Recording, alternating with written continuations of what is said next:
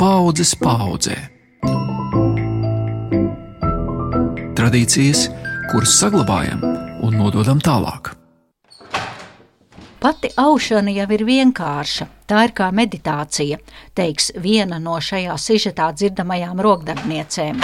Cita atkal bildīs, ka aušana ir gan matemātika, gan joga, gan krāsu prieks.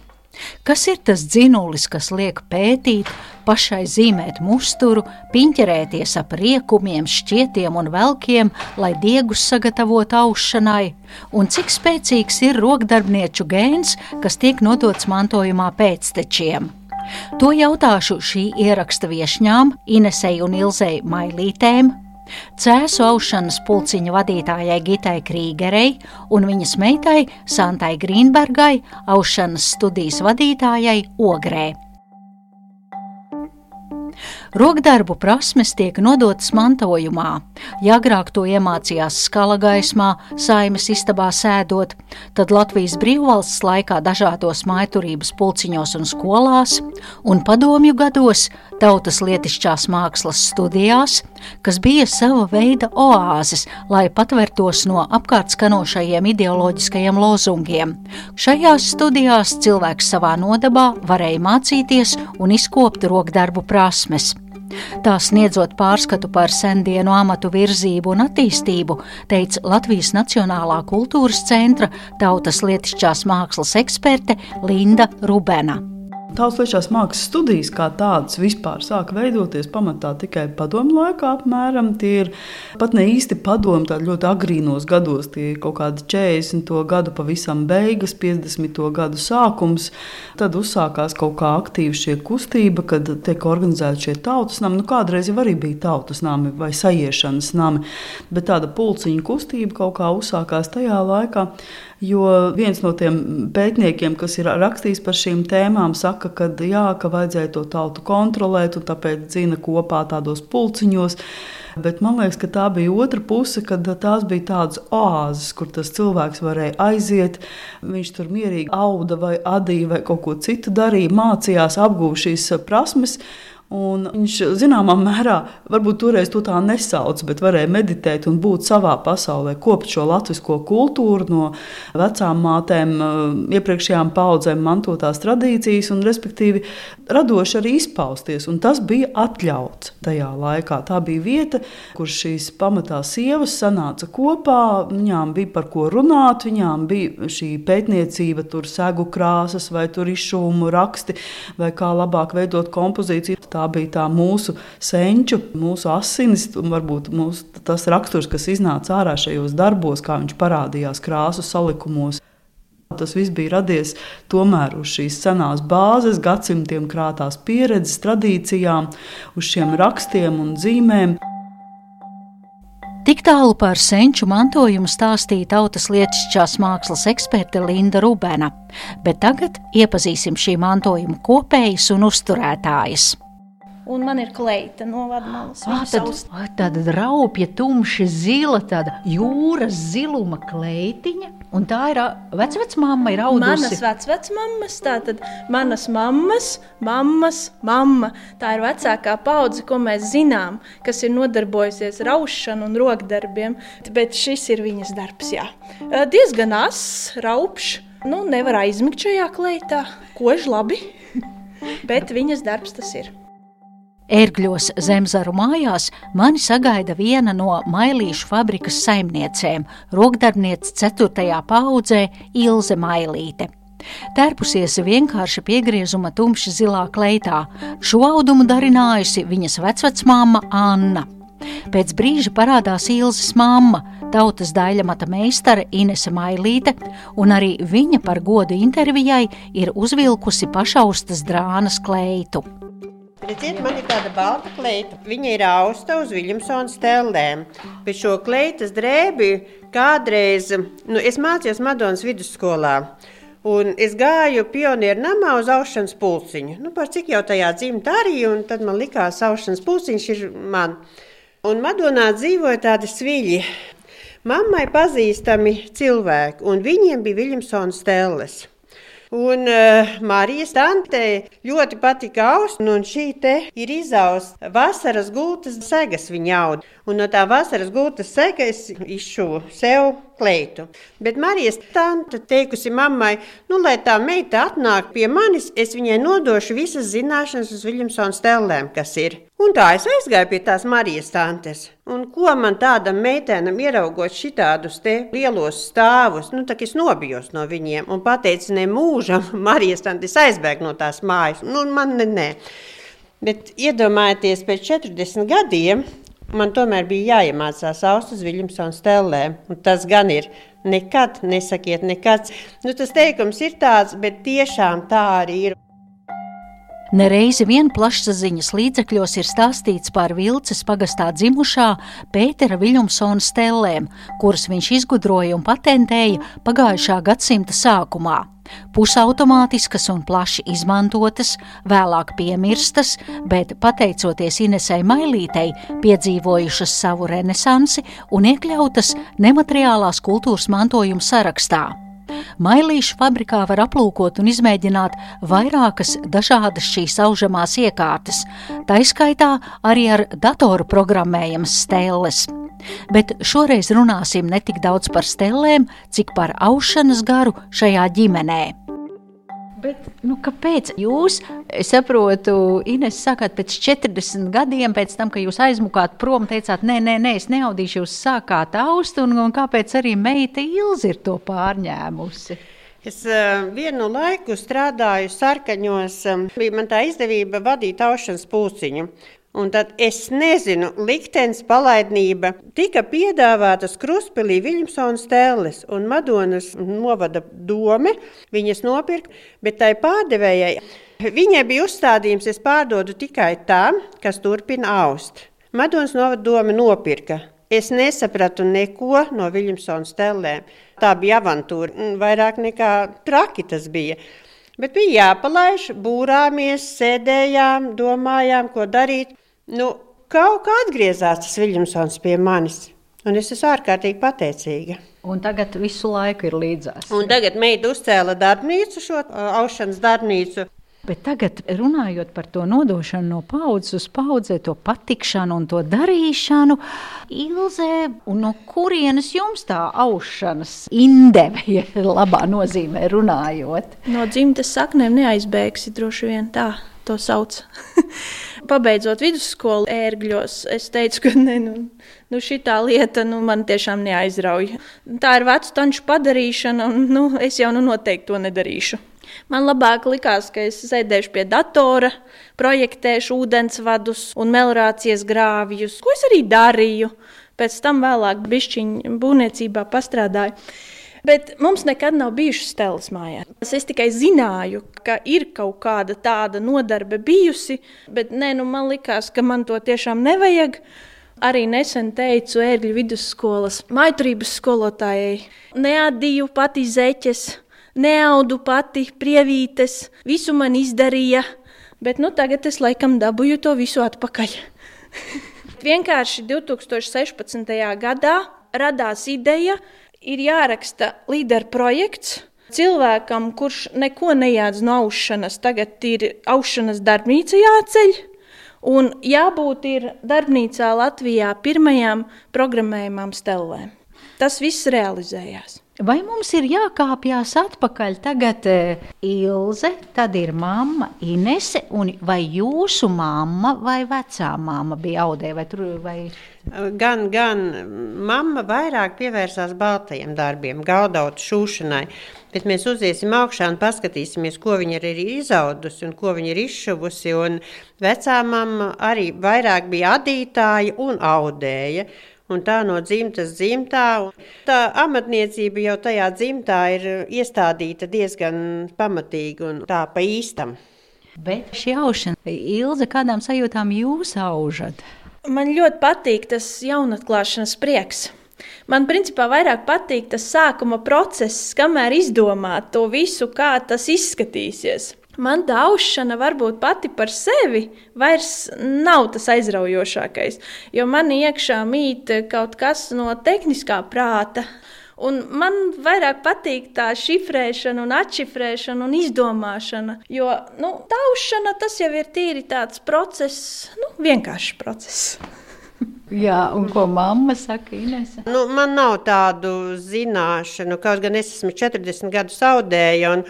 Un, Ilze piedzima 85. gadā, un es tautas daļu meistarus dabūju 86. gadā, un tur bija desmit darbiem jābūt. Tas bija nopietna tāda komisija, un, un ar bailēm mēs tur gājām, un ar bailēm piedalījāmies. Un tā. Bet man, tā, man patīk tā mierīgi sēdēt un tad meditēt. Man tas jaunas klāšanas, nu man vairs nav tik ļoti aktuāli. Līdz tam gan man gribējās gan mežģīņu sēga saust, gan nu, visādus sarežģītus, bet tagad man tā mierīgi, tā labi jūtos pie stelēm. Bet kas apliecina šo te, mamma man kādu mēnesi vai divus staigāja pakaļ un teica, reku tevi tā lupatiņa, un es gribu izaust to audumu, un tu man viņu atrisini. Nu, es atrisināju, nu, un viņa tagad audīs. Nu, tur ir tā sadarbība. Jā. Viens kaut ko izdara, un otrs nākamo etapu. Pagaidiet, tad jūs mani vedināt uz Augšā. otro stāvu. Jā. Jā. Otrajā stāvā ir izlikti mailīšu darinājumi, brunči, lakati, sēgas, līnu krekli, un uz galda ir uzklāts balts lina galdauts, teju kā smalka ažūra rakstā izmargots ar izšuvumiem. To savulaik ir tapinājusi Lidija Gailīte, Ineses mamma un Ilzes vecā mamma. Līdz jau baltais darbs, divvirziena izvilkums. Bet šis galdauts vēl arī ir īpašs, arī ar dziesmu svētkiem saistīts. 1940. gadā notika pēdējie dziesmu svētki Daugopilī, Stropē strādē. Nav nevienā papīrā, nevienā grāmatā atrasts, ka viņa vispār ir piedalījusies šajos dziesmu svētkos, proti, Lidija Gailīte, to laiku. Bet viņa stāstīja tā, ka bijusi arī tautas lietušās mākslas izstāde dziesmu svētku laikā, un viņa ir piedalījusies šajā izstādē ar galdautu, kas pašlaik redzams uz galda. Un tad, kad viņa ir iegājusi šajā te izstāžu telpā, tad pie galdauta ir piesprāstīts teksts, piešķirta zelta medaļa. Šīs galdauts, uz kuru es skatos šobrīd. Jā, jā. Bet uh, lieta tāda, ka Ulmanis neaizbrauc uz šiem dziesmu svētkiem, jo tieši 17. datumā Padomju Savienība būs okupēta. Jā, jā Galdauts brīnumainā kārtā kaut kā tomēr ir nonācis atpakaļ, un svētku reizēs Galdauts tad tiek arī lietots. Nu jā, tāds dižums jau ir un, un, un tāda pieskaršanās šim te galdautam nozīmē ārkārtīgi daudz. Tālāk no pūra lādes tiek izcelta sēga, vilnas audums ar tādām kā linu mežģīnēm. Šis darinājums atnesa Inesei Mailītei tautas daļamata meistara nosaukumu. Tad vēl pie mammas atgriežoties, pienāk 89. gads, un viņa izgatavo sev un man ērgļu tautas tērpus. Un te ir melnbalta fotografija. Jūs kā maza meitene, jūs abas divas, bet jūs tur aužat. Vai uh, Mamma aužēja dzinu dzīvu. Tīna... Tas notika to laiku ērgļu kultūras namā, bija audēja balle. Un no tā brīža es atceros, ka tikai es tos bruņus ātrāk varētu nozabūt, jo viņi drausmīgi koda caur visām baltajām zeķu biksēm. Uh, bet, Mēs runājam par vilnas, vilnas bruņķiem. bruņķiem, bet īsnībā oriģinālā šiem bruņķiem bija jābūt no lina. Bet to laiku krāsainu linu nebija, un tad mamma noimprovizēja un uzauga sev un man bruņķus no vilnas dzīves. Mums jau mājās bija aitiņas, un tad varēja vilnu samainīt pret ziju, un, un, un arī pašas krāsojām zilu un, un sarkanu kopā ar mammu. Un, Un tā tas arī tika noausts, bet šie bruņķi man ir saglabājušies. Un tad droši vien pēc tam esmu es ar savu 2016. gadu, kad es pēkšņi izdomāju, ka es gribu sev ērgļu bruņķus. Tie ir ērgļi, tādi arī zili kvadrāti, kva, kvadrāti rakstā, bet tie nav, tas nav viens. Tas ir līns. Jā, no tas līns. jau ir līns, jo mūsdienās jau materiālus varam dabūt kādus vien vēlamies un kādās krāsās vien vēlamies.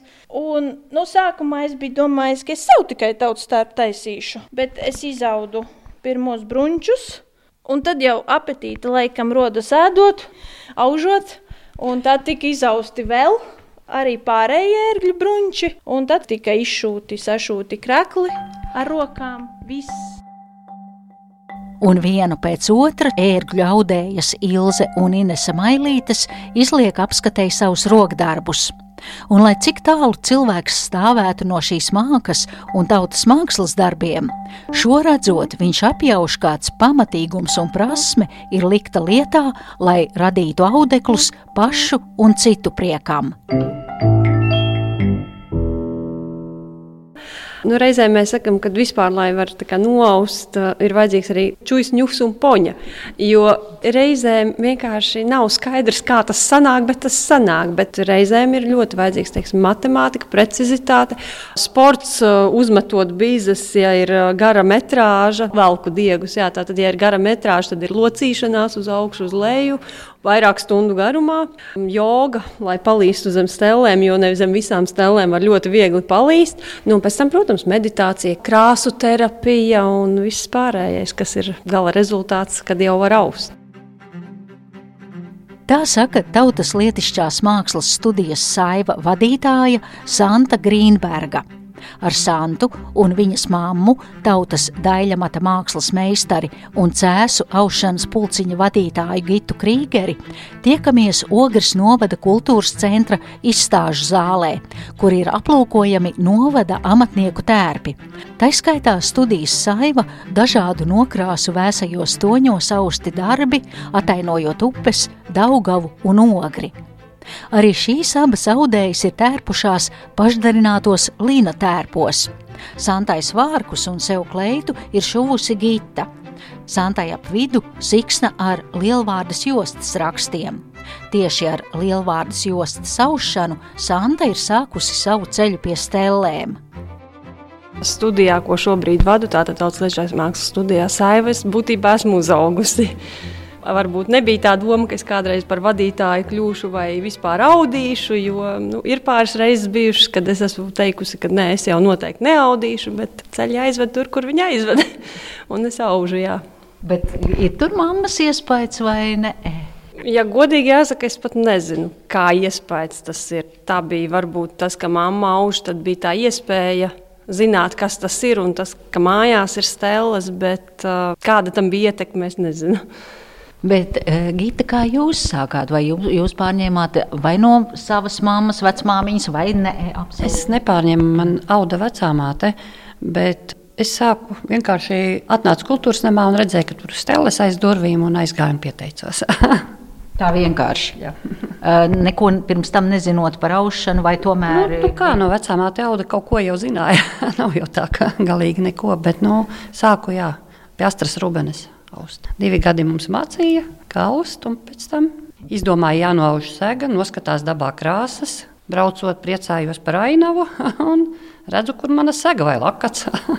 Un kā ir meitai, Santai arī?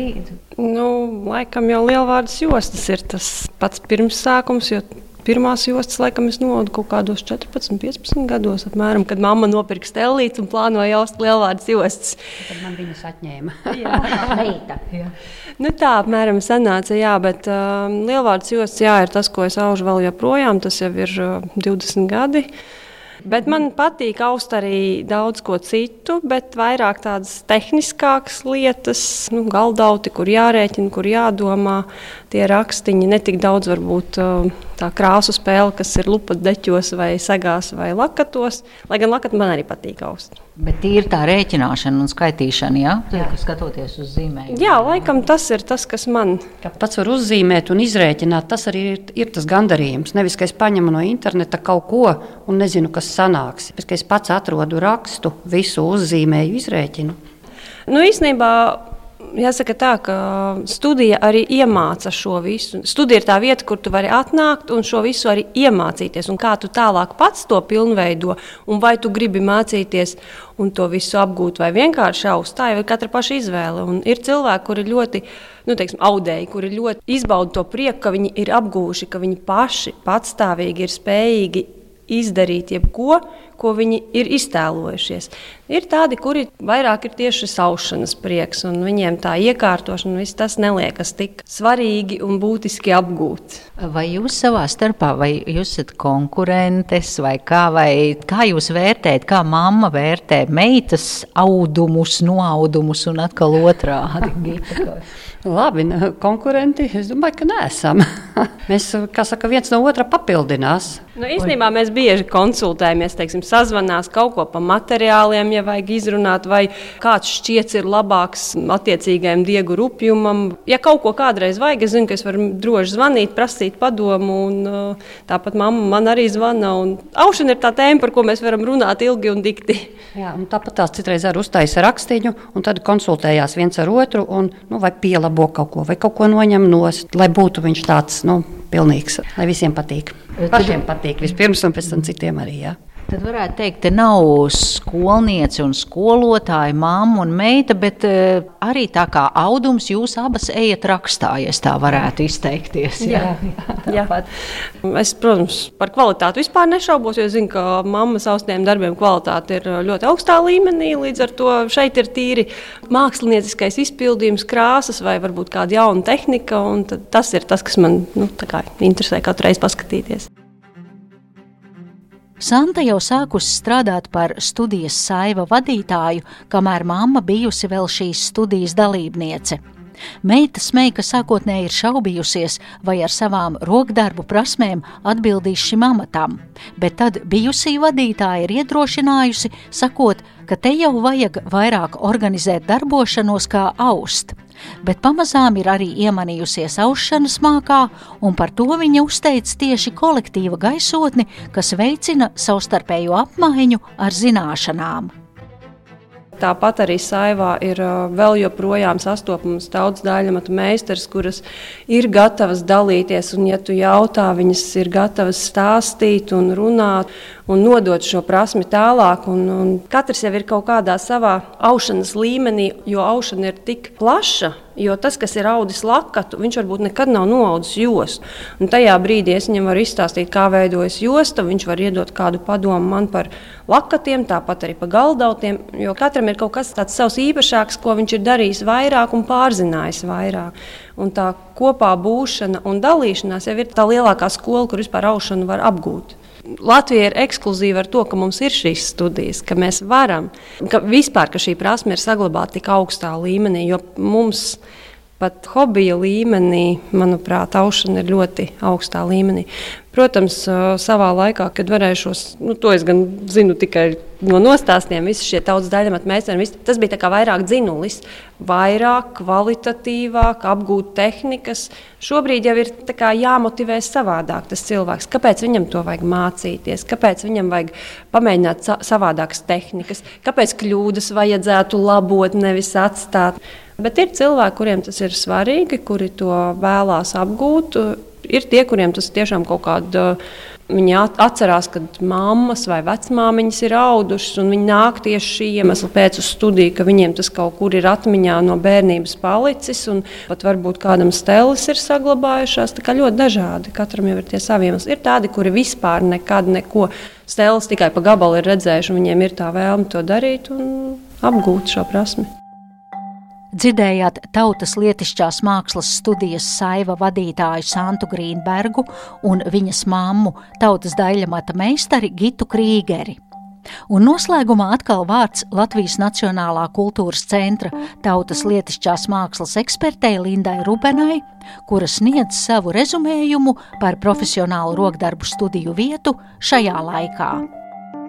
Interesi ir, un man liekas, ka tas ir svarīgākais, ka tas nenoplūk. Ja vienu brīdi likās, ka viss zūd un, un kaut kā samazinās, ja tāda baila pastāvēja, tad tiešām negribās lielīties, bet pateicoties šiem pasākumiem, katram savu tautstērpu un satiec savu meistaru, ir atradušies tādi cits interesantu lokus, kas varbūt sāk tikai ar to savu brunčaudumu svārkiem, ka viņi vēlās, piemēram, noaust sev brunčaudumu, tad varbūt meitai vai mātei vai vēl kādam radiniekam, un tad jau tas cilvēks tiek pamazām ievilkts tajā iekšā, un viņi saprot, ka viņi tomēr ah, gribētu arī kaut ko citu uzaust, jo parasti visiem asociējās, nu, ko tad auž grīdas celiņu, nu, visvienkāršākais. Ja? Bet tādā veidā var tā teikt, pēdiņās sabojāt to cilvēku. Nav jau teikts, ka visiem ir jābūt par šiem audējiem, un, un tas jādara. Tur tiešām ir vajadzīga tāda interese to darīt, un arī laiks, protams. Turpinājums ir, un man liekas, ka to vēlreiz pierāda šo studiju skaits, kas nav īpaši samazinājies, īpaši audēju. Tās audējas ir tādas stipras un noturīgas. No paudzes paudzē. Tradīcijas, kuras saglabājam un nododam tālāk.